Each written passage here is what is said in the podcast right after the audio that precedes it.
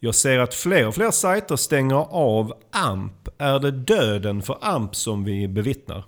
Ja, kanske. Det känns som eh, utvecklingen eh, går väl inte åt det hållet riktigt. Och när eh, Google nu nyligen tog bort AMP som krav för att synas i Top Stories så försvann ju ett väldigt starkt argument till att använda det. Men kör vi inte själva AMP? Jo, vi har det på sökmotorkonsult.se och ah, jag har aldrig riktigt gillat AMP men ville ju testa det för en massa år sedan och nu känns det faktiskt mest jobbigt att behöva plocka bort det och peka om massa URL så jag drar mig lite för att stänga av det. Men en sak som inte alls känns jobbig är däremot att nu är det dags för ett nytt avsnitt av Sökpodden. Du lyssnar på Sökpodden. En podcast för dig som gillar Google, SEO och SEM. Sökpodden görs av Pineberry. Varmt välkomna till avsnitt 77 av Sökpodden. Mitt namn är Mikael Wahlgren. Idag har jag nöjet att sitta här med Maria Fernholm. Hallå hallå! Och Björn Budén. Hej hej! Idag bjuder vi på följande ämnen. Vi ska prata om framtiden för SEO. Vi gör en SEO-klinik och så avslutar vi med portföljbudsstrategier på Google Ads. Hur är läget med er idag?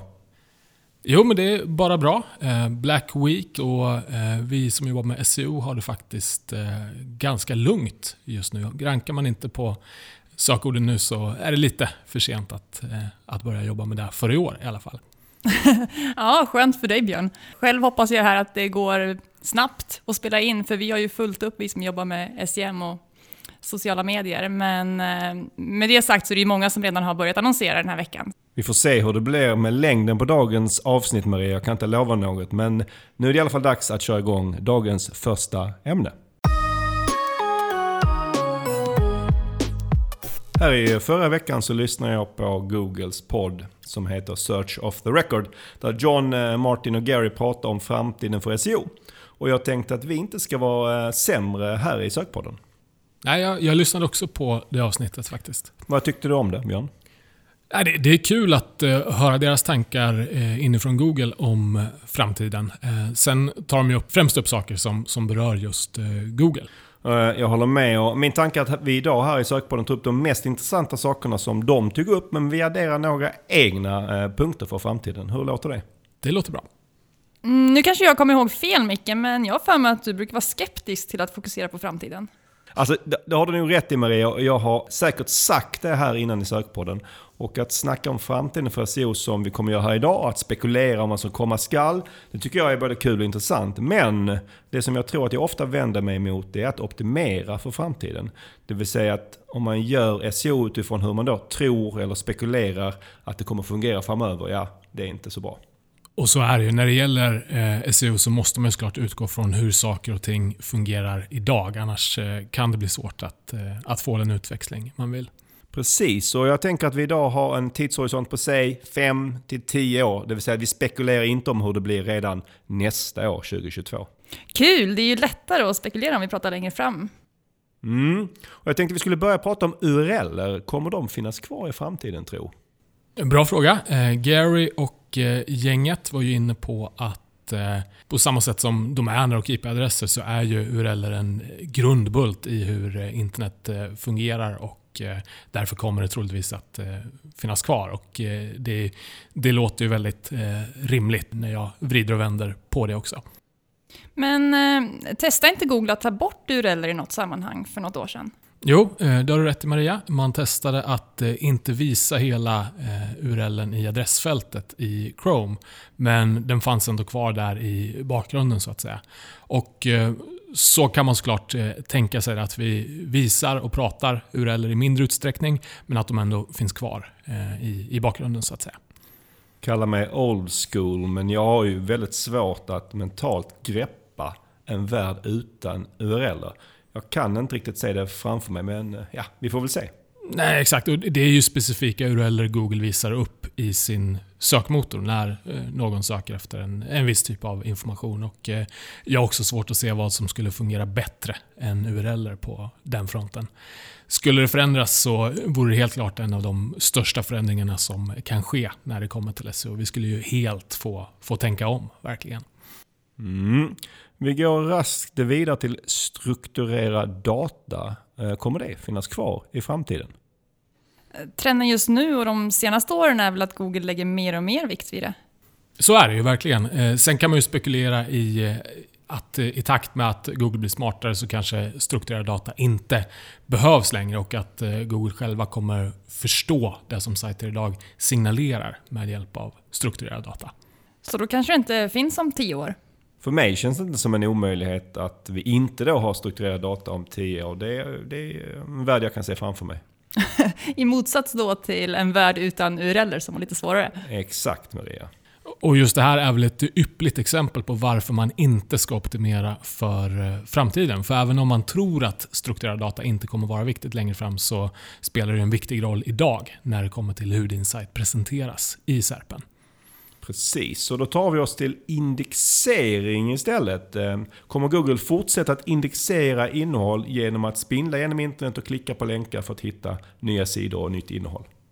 Mm, det här är ju ett väldigt aktuellt eh, ämne med tanke på Index Now som är ett nytt protokoll som eh, Bing och Yandex tagit fram som bygger på att man via ett API kan berätta för sökmotorn att det finns nya sidor och nytt eller uppdaterat innehåll som man vill att de ska besöka. De pratar ju om just detta i podden och Gary var skeptisk, som han i och för sig ofta är. Ja, han verkade inte helt eh, övertygad kanske om idén bakom Index Now. Men eh, varför inte? Han, han, gav ett bra exempel tycker jag och det var eh, när Google hade den publika funktionen Submit a URL till Google som jag tror att de tog bort 2018. Så var den överväldiga majoriteten av det som skickades in rent spam enligt Gary. Och Index Now ju, har ju vissa likheter med den funktionaliteten kan man säga. Mm, ja. Fördelen med den klassiska modellen för att indexera innehåll är ju att sökmotorn eller Google då själv prioriterar vad som hämtas in och om man lämnar det till sajterna att, att bestämma då är ju risken att det missbrukas och blir mycket spam. Så på ett sätt kan jag tycka att det känns som en rimlig invändning eh, från Gary. Mm. Om vi fortsätter lite på samma tema, eh, hur tänker vi kring länkar? Kommer de fortsätta vara viktiga?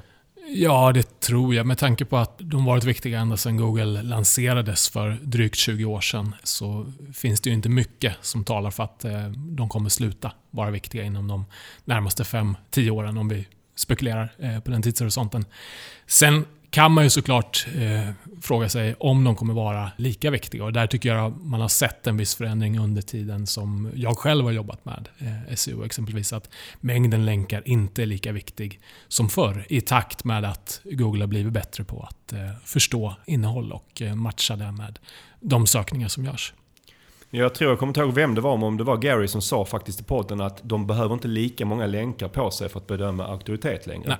Och det är väl en utveckling man ser. Och om man också lyssnar mer på vad Google sa så sa de ju att de ser länkar som grundstenar på samma sätt som URL och HTML. Eh, så jag har också, precis som de, svårt att se en framtid där Google inte tar en betydande hänsyn till just länkar. Då går vi kanske till den mest intressanta punkten, i alla fall om ni frågar mig. Och det är om text och hur Google kommer se på just text i eh, framtiden. Och då antar jag att eh, du tänker på att Google nyligen börjat öppna upp för att eh, maskinskrivet innehåll kan komma att ses som okej okay enligt deras riktlinjer. Eller hur?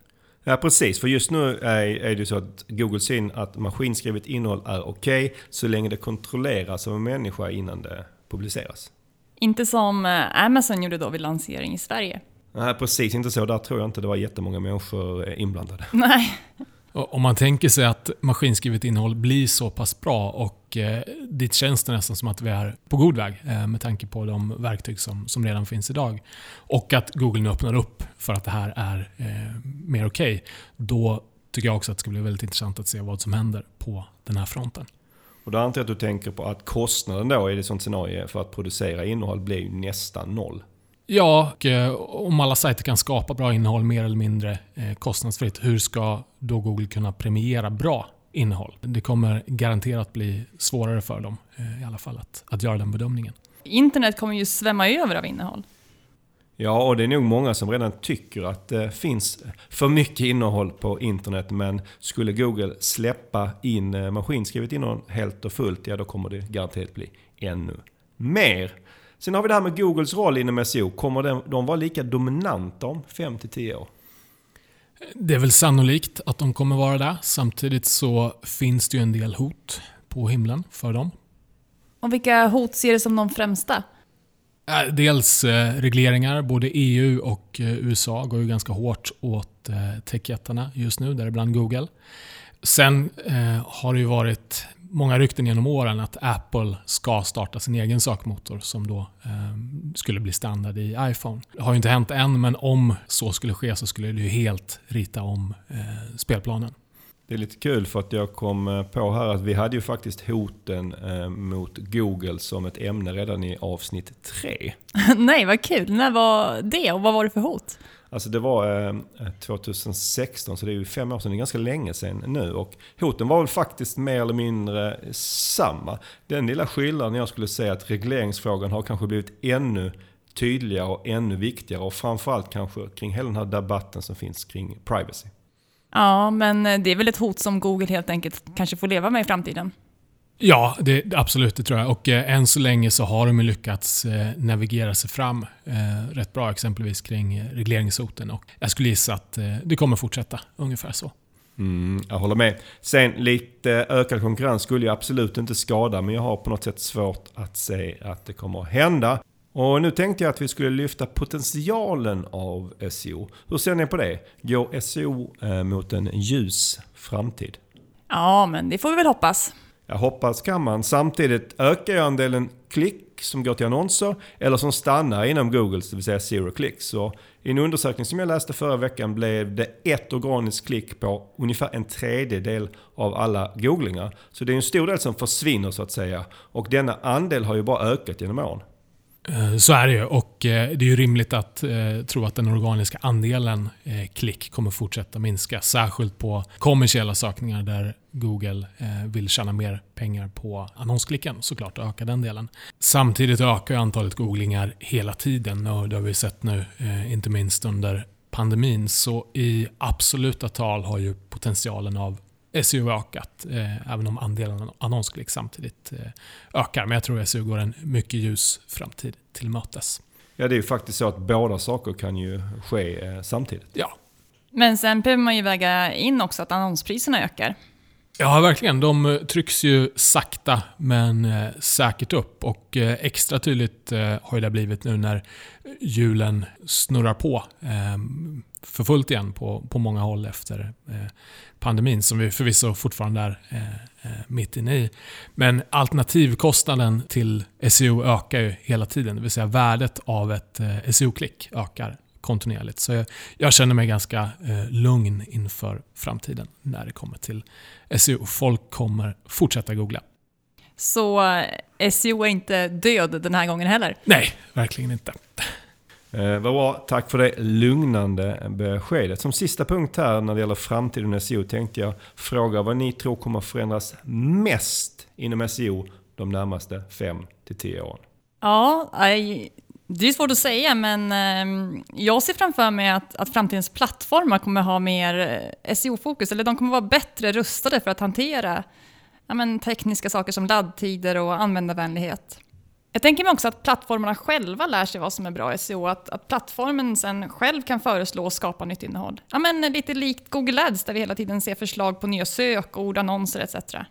Mm. Eh, jag tror på det till en viss del. Plattformarna kommer eh, i alla fall vilja få det att eh, framstå eh, som det och till viss del lyckas, tror jag. Fast det i sig kommer också vara en villfarelse. Eh, Okej, okay. hur tänker du nu? Jag tänker att insteget till att göra bra grundläggande SEO kommer fortsätta att eh, bli lägre. Men det i sin tur betyder också att konkurrensen blir hårdare och eh, värdet av djupgående SEO-kunskap kommer bli eh, ännu mer betydelsefullt. För det är alltid bara en sajt som kan ranka etta. Mm. Har vi några fler spaningar här? När det kommer till konkreta förändringar i vad vi optimerar för så tror jag att vi kommer få se fler ytor på Google att optimera för. Eh, likt det vi sett eh, tillkommit de senaste åren med fler features i SERPen, organisk shopping eh, och så vidare. Sen tycker jag det ska bli intressant att följa bildsöket och utvecklingen där för Google Lens och alla möjligheter som, som det innebär. Mm. Tack för alla intressanta spekulationer och med det så avslutar vi vårt snack om framtiden för SEO och går vidare till nästa ämne.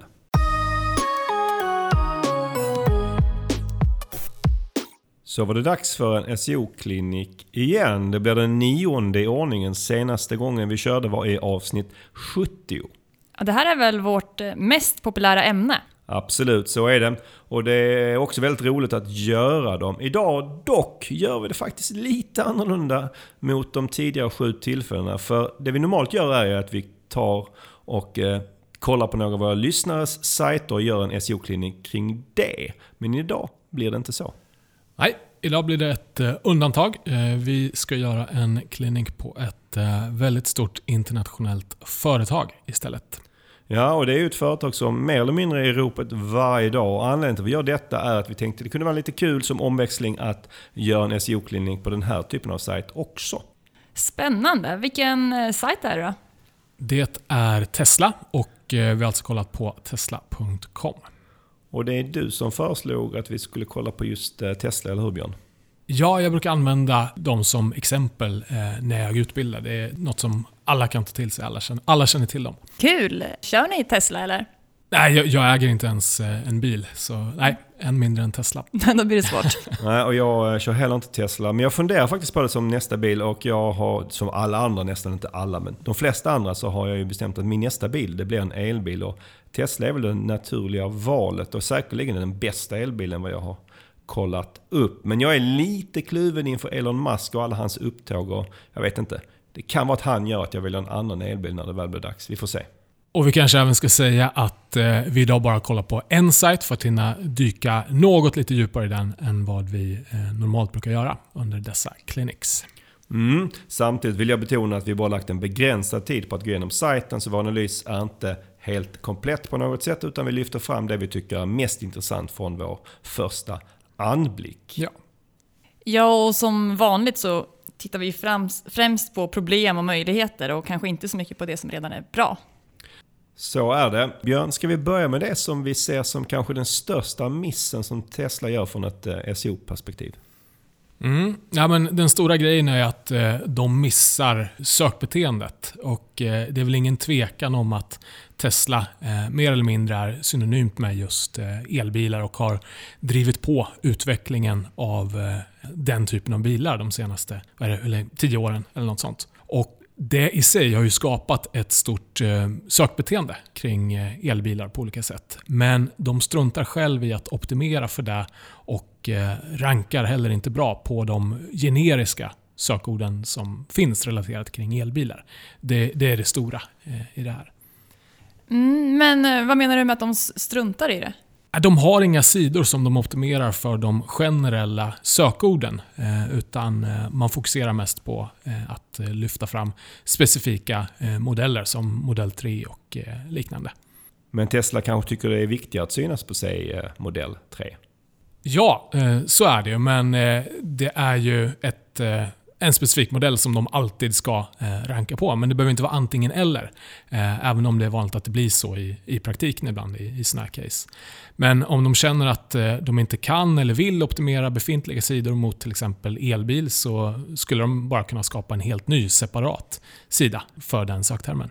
Och man skulle kunna gissa att de säkerligen skulle ranka ganska bra, enkelt. Ja, verkligen. Inget snack om det. Detta är en fälla som jag upplever att många stora företag och stora varumärken går i. Vi kan ta exempel att det finns eh, stora banker eller stora försäkringsbolag som kör bred marknadsföring eh, på TV. Men sen fångar de inte upp den efterfrågan som de själva är med och skapar på Google. Precis så och eh, jag vill verkligen framhäva här att det inte handlar om bara ett sökord som till exempel elbil. Då är allt sökbeteende kring Lisa elbil, elbil som tjänstebil, laddstolpe och så vidare och så vidare som också missas här. Så eh, grunden i det hela är att Tesla har i högsta grad skapat dessa sökbeteenden genom att vara duktiga på, eh, på det de gör. Och De här sökbeteendena kapitaliserar andra bilmärken nu stort på genom eh, bland annat eh, SEO. Och eh, Hur många sökningar tror, tror vi att det handlar om här? För de generella sökorden, alltså, det vill säga sökord som inte innehåller något varumärke, så är det ju hundratusentals sökningar varje månad bara i lilla Sverige. Oj, ja det är många. Så det räcker inte att vara ett starkt varumärke för att ranka på Google? Nej, verkligen inte. Eh, det snackas ju mycket om att eh, Google premierar varumärken och att eh, du måste vara ett brand för att lyckas. Men Tesla är ett bra bevis på att det inte stämmer. Det är inte bara det som, som, som krävs. Eh, visst, det finns uppenbara fördelar med att vara ett eh, känt varumärke, men du behöver även ha relevant innehåll och en sidstruktur som Google kan eh, förstå och visa upp för de generella söktermer som görs kring där du nu vill sälja. Annars kommer Google inte att ranka dig. Punkt. En klar fördel med att vara ett starkt varumärke är ju att du ofta har många länkar som pekar till dig. Och jag kollade här för Tesla.com och de har 118 000 länkande domäner. Det är ganska bra. Undrar hur många som är resultat av Elon Musks twittrande? Ja, det är en bra fråga Maria. Att provocera och uppröra som han ofta gör är ju en eh, en länkmagnet och eh, så det har ju säkert gett en hel del länkar genom åren till Tesla. Och jag försökte jämföra med andra biltillverkare för att se om det här är mycket länkar som de har eller inte. Men det är lite svårt för många av deras, som jag ser som direkta konkurrenter, har lokala domäner så jämförelsen haltar en hel del. Men om vi tar volvocars.com istället eh, som en jämförelse så har de ungefär 50 000 länkar länkande domäner. Det vill säga knappt hälften mot Tesla. Så man kan ju fråga sig, behöver Tesla egentligen bry sig om länkar? Jag skulle säga inte i det här läget eh, när de har så mycket länkar redan. Utan det är struktur och innehåll som behöver eh, finnas på eh, plats. Eh, om de skulle dubbla sin länkstyrka så kommer de ändå inte ranka bra på eh, elbil. Så det är, inte, det är inte länkarna jag skulle börja gräva i här. Och det här är också ganska vanligt att det ser ut så här att för stora för sajter som då kanske ofta också funnits ganska länge. Då är det inte lika viktigt att eh, jobba med länkar på samma sätt som det är för ett eh, nystartat eh, företag. Precis, det är lite som natt och dag egentligen i hur eh, viktigt det är, skulle jag säga. Jag fattar att det inte är så viktigt för Tesla kanske, men när man har så här många länkar som de har, brukar man inte kunna återvinna länkar då? Jo, och eh, jag kunde inte låta bli att kolla upp det lite snabbt eh, och se hur stor potentialen är för Tesla just när det gäller det här. Och de har knappt 2000 URLer som svarar med 404 och som har minst en länkande domän till sig. Och vissa av de här sidorna har hundratals länkande domäner till sig. Så det finns ju vansinnigt mycket länkkraft att göra och att återvinna om man nu skulle vilja fokusera lite på länkar. Wow, det är ju en hel del. Det är klart de ska återvinna dem. Det rimmar väl med hela elbilsgrejen? Ja, såklart. Jag tänkte inte på det. Eh, men om vi istället gräver lite i innehållet, så vi kan väl börja med titlarna. Jag har sett att ungefär 20% är duplicerade och nästan 40% är för korta. Vad säger vi om det Björn? Nej, men att man har problem med duplicerat innehåll är ju ingen högoddsare direkt. Det är ju vanligt att eh, många stora sajter har det, särskilt om man inte haft ett eh, SEO-fokus. Sen när det gäller de korta titlarna så hänger det i alla fall delvis ihop med eh, det vi var inne på, på innan. För sannolikt har ju Tesla inte tänkt så mycket på, på det här med eh, sökord. I alla fall inte eh, implementerat det tänket. Och eh, det man missar med korta titlar är ju att eh, man inte utnyttjar eh, möjligheten för att få med sekundära sökord som är viktiga för den sidan. Säg att du har en sida för ja, men soltak och eh, så nämner du eh, bara det i din titel. Du kanske vill addera någonting med eh, bil eller liknande för att täcka in ett större sökbeteende för den sidan när jag spindlade av sajten så såg jag att ungefär 55% av sidorna saknade metadescription och 16% av dem var duplicerade. Så ganska mycket. Mm. Eh, och det är ju ganska vanligt att det ser ut så här. Men är detta ett problem på riktigt? Inte för din ranking utan eh, mer för presentationen i sökresultatet.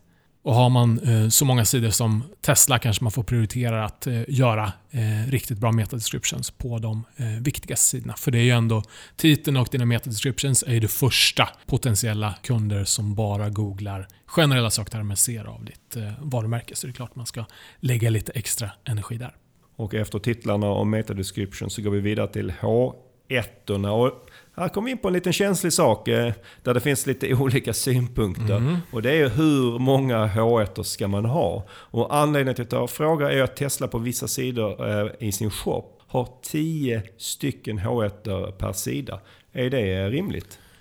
Vår syn är att eh, du bara ska ha en H1 per sida, även om du rent tekniskt kan ha fler. Men det är det säkraste sättet att berätta för Google så tydligt som möjligt vad sidan handlar om, om du bara har en H1 per sida. Och jag tycker faktiskt själv då att Tesla är ett väldigt bra exempel på varför eh, jag och vi tycker att man bara ska ha en H1. Och eh, jag ska läsa upp några av de H1 som fanns på en sida som jag hittade. Och de H1 kommer nu här i följd. Shop, tröja med broderat märke, karaff, modell Y takräcke, wall connector och så vidare. Och så vidare. Eh, och ja, det är ju ganska blandat eller? Det är svårt att se en röd tråd där bland H1 tänker jag. Ja, man får svårare för Google att lista ut vad sidan handlar om helt enkelt. Eh, och just på tal om deras shop, som då var en av H1, eh, så ligger den på en subdomän. Eh, vad tycker vi om det? Ja, även dess finns det ju rätt eh, många olika synpunkter kring. Men vår rekommendation är att försöka ha det på samma eh, domän om det är möjligt. Och Anledningen till det är att eh, vi ser att Google i mångt och mycket tolkar subdomäner som separata domäner än en del av den faktiska huvuddomänen. Och Det här gör ju att exempelvis länkarna som går till tesla.com inte till fullo kommer den här subdomänen till nytta. Med det sagt så är det ju ganska vanligt att eh, många större sajter har så här, eh, som Tesla har, det vill säga eh, shop.tesla.com. Och det är väl ofta tekniska begränsningar som ligger bakom valet att ha subdomäner? Ja, och vill ni veta mer om denna något infekterade fråga så lyssna gärna på avsnitt 36 där vi hade subdomäner versus mappar som ämne. Sen när jag skulle testa Tesla i PageSpeed Insight så såg jag att verktyget har ändrat utseende. Om vi börjar där, vad tycker ni om den här förändringen? Ja, spontant så gillar jag det, även om jag inte hunnit eh, använda det så mycket än. Eh, men jag tycker Google tydligare visar vad som är labbdata och eh, fältdata, om, om det finns för den sajten man, man testar. Men hur såg det ut för Tesla hastighetsmässigt? Det ser väl ut som det brukar för många sajter, alltså lite sådär. Deras score låg väl runt 50. Men det var inget så onormalt som stack ut. Det var, det var, de, skulle, de behöver reducera lite skript och de har en del saker som eh, blockerar inläsningen. Och eh, med det så tänkte jag att vi sätter punkt för denna SEO-klinik av Tesla. Och vi kan väl summera det som att det finns ganska mycket att hämta här för Tesla. Ja, verkligen. Eh, deras SEO-potential är ju jättestor. Det är bara att hämta in den här trafiken om de skulle vilja det. Och vi kommer givetvis göra fler clinics längre fram där vi återigen då går igenom er lyssnares sajter. Och vill du att vi går igenom just din sajt i en framtida klinik, då hör du av dig till sokpodden at pineberry.com. Och med det så går vi vidare till dagens sista ämne. Eh, nu ska vi prata lite om portföljbudstrategier inom Google Ads. Detta har ju funnits i någon form ganska länge. Från början hette det väl eh, flexibla budstrategier om jag inte kommer ihåg fel. Och det tror jag kom redan 2014. Men det känns eh, som det är först på senare år som det verkligen har tagit fart. Ja, men verkligen. När jag började med Google Ads var det ju sällan som jag använde det, men numera så är det väl mer eller mindre alltid som jag använder det. Och här ska man också kanske förtydliga att funktionen har ändrats ganska mycket eh, de senaste åren. Ja, nu, numera går det ju på något sätt hand i hand med Googles olika smartbidding-strategier och, och de flesta av dessa fanns ju inte 2014. Ja, jag kommer ihåg första gången jag skulle eh, använda, eller ville använda den moderna formen av portföljstrategier. Och då gick det inte, för då stödde man inte den typ av smart bidding som jag skulle använda mig av just då. Men nu känns det som att portföljstrategierna är mer eller mindre heltäckande. Ja, verkligen. Och bättre. Mm. Du nämnde där att du nästan alltid använder dig av portföljstrategier och jag vet att det generellt gäller hos eh, våra kollegor här på Pineberry. Men när vi kollar på andras Google Ads-konton, vilket vi gör lite då och då, används det lika ofta där? Inte lika mycket skulle jag säga, men, men vi ser ju mer och mer och jag tycker det har blivit extremt mycket vanligare de senaste åren. Men ibland så kan jag uppleva att det inte används på helt rätt sätt. I alla fall inte om du frågar mig. Hur menar du då? Ja, men det heter ju portföljstrategier och ibland kan jag tycka att det saknas just en strategi för vilka kampanjer som ska klumpas ihop i samma portfölj. Hur tycker du att man ska då para ihop eh, kampanjerna i portföljen? Ja, men det viktiga är ju som sagt att det finns en tydlig strategi bakom. Och om det då exempelvis är en e-handel så kanske det handlar om kampanjer med liknande ROAS eller lönsamhet som man då får lägga i samma portfölj. Mm, och jag kan addera ett B2B-exempel från vår egen annonsering som jag då rattar. Och där har vi två olika portföljer. Där har vi delat in dem efter kvalitet på leadsen de olika kampanjerna genererar. Utifrån konverteringsgrad eller hur har ni gjort? Ja, fast i steg två så att säga. Alltså inte konverteringsgraden till lead, för där skiljer kampanjerna sig inte speciellt mycket. Utan konverteringsgrad från lead till kund? För där ser vi en mycket större skillnad. Intressant. Det där är ju ett jättebra tips till alla som sitter med ett BTB-konto. Inte kanske alltid så lätt att analysera, men lyckas man så kan man ju verkligen göra sin annonsering effektivare. Det viktiga är ju att man just vet hur kampanjerna skiljer sig lönsamhetsmässigt, så att man kan då passa ihop dem i samma portfölj. Vad eh, händer annars? Jo, men om man tänker sig att du har ett gäng med väldigt lönsamma kampanjer i en portfölj och så slänger du in ett gäng med betydligt mindre lönsamma kampanjer i samma portfölj då, då blir ju risken stor att du förstör lönsamheten för dina kanske bästa kampanjer. Du använder som sagt portföljer nästan hela tiden numera. Det måste ju betyda att du tycker de är bra. Eh, ja, ja, men det kan man i alla fall hoppas. Och vad skulle du säga då är fördelarna med portföljstrategier? Ja, men det, handlar ju, det handlar ju främst om att man aggregerar data så att Googles smart bidding funkar bättre, eller rättare sagt att man får ut mer av sina smarta budstrategier. Hur tänker du då? Jo, men om vi, om vi igen tänker oss att vi har kampanjer med liknande mål och lönsamhet. Om du optimerar dessa separat så föder du helt enkelt inte Google med lika mycket data. Kampanjerna blir då mer som i silos. Genom att använda dig av en portfölj ger du Google större möjlighet att utnyttja din budget smart och du ökar chansen att nå dina mål. Allt annat lika kommer du kunna få fler konverteringar totalt sett. Man kan ju se det lite som att man skapar möjligheter för kampanjerna att rädda varandra. Nu är det ju eh, Black Week eh, som vi har eh, varit inne på. Är det extra viktigt då med den här aggregerade datan? Ja, men det skulle jag absolut säga, för ofta så eh, har vi en, en, specifik strategi för just Black Week. Och då är det viktigt att vi får in data snabbt, att vi får igång våra budstrategier och en snabb inlärningsfas så att vi kan eh, maximera annonseringen och ja, driva så mycket försäljning som möjligt under just den perioden. Eh, är det här främst viktigt då för kampanjer med, med få konverteringar? Främst skulle jag inte säga, men eh, fördelen gäller ju även om det finns mycket konverteringar. Men det blir såklart extra viktigt i det fall när det är få konverteringar per kampanj. Då ökar marginalnyttan av att använda portföljer. Och här blir ju fördelen av aggregerad data än större. Ovan fördelar bygger delvis på att kampanjer på ett sätt lånar utrymme av varandra, eller hur? Det är så man ser det. Ja, och här är det såklart viktigt att du matchar din portfölj med en motsvarande delad budget. Okej, men finns det lägen där man inte ska använda portföljstrategier? Det finns det. Eh, ett exempel är såklart om kontot bara har en enda kampanj. Då faller ju hela poängen. Men eh, om vi ska ta något mer intressant exempel så är det väl när annonsören och i mitt fall min kund inte riktigt köpt in helhetstänk kring sin annonsering. Att man ser sina kampanjer som silos där man vill ha full kontroll på kampanjnivå. Just på tal om kontroll, det är väl en eh, nackdel med portföljer? Ja, definitivt. Du som eh, lyssnat länge på Sökpodden känner säkert igen att den vanligaste invändningen vi har mot eh, de flesta av Googles nya funktioner är att man tappar kontroll. Ja, det gillar vi inte alls, att, att mista kontroll. Och vilka konsekvenser kan det få att man tappar kontrollen? Som jag var inne på så kan ju kampanjer rädda varandra i en portfölj. Och eh, risken här är ju att du har enskilda dåliga kampanjer som hela tiden blir räddade i och med att du inte utvärderar dem lika mycket individuellt längre.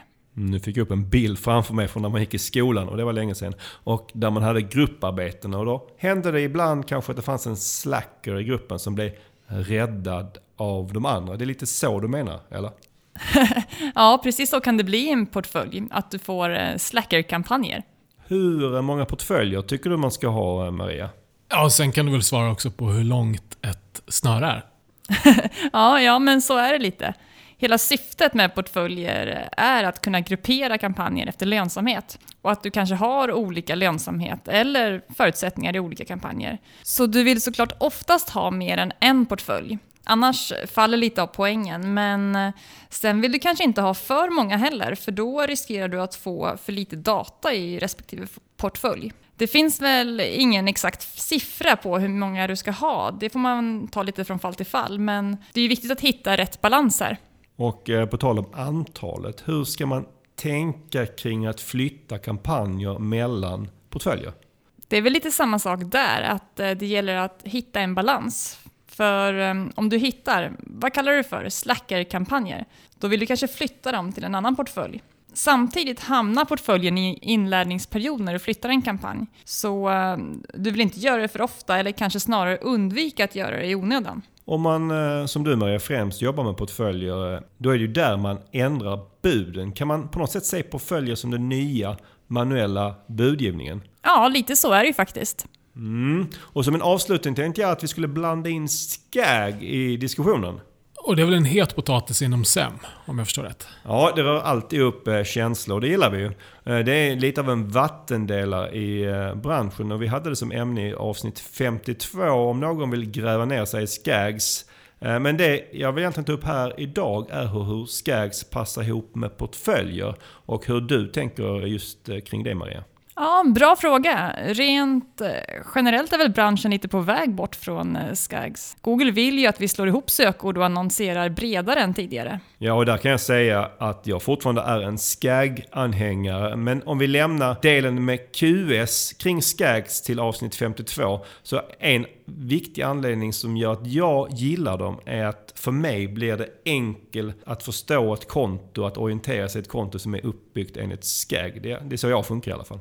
Ja, men jag håller med. Och här handlar det nog om en del om vad man är van vid. Här kan man nog hitta ännu en fördel med portföljstrategierna. För eh, med en portfölj kan du hålla kvar ditt skag-upplägg och ändå föda budalgoritmerna och automatisera på ett bra sätt. Så man får lite det bästa av två världar då, kan man säga? Ja, men lite så. Och med det positiva konstaterandet tänker jag att vi sätter punkt för ett snack om portföljbudstrategier på Google Ads och det är dags att runda av dagens avsnitt.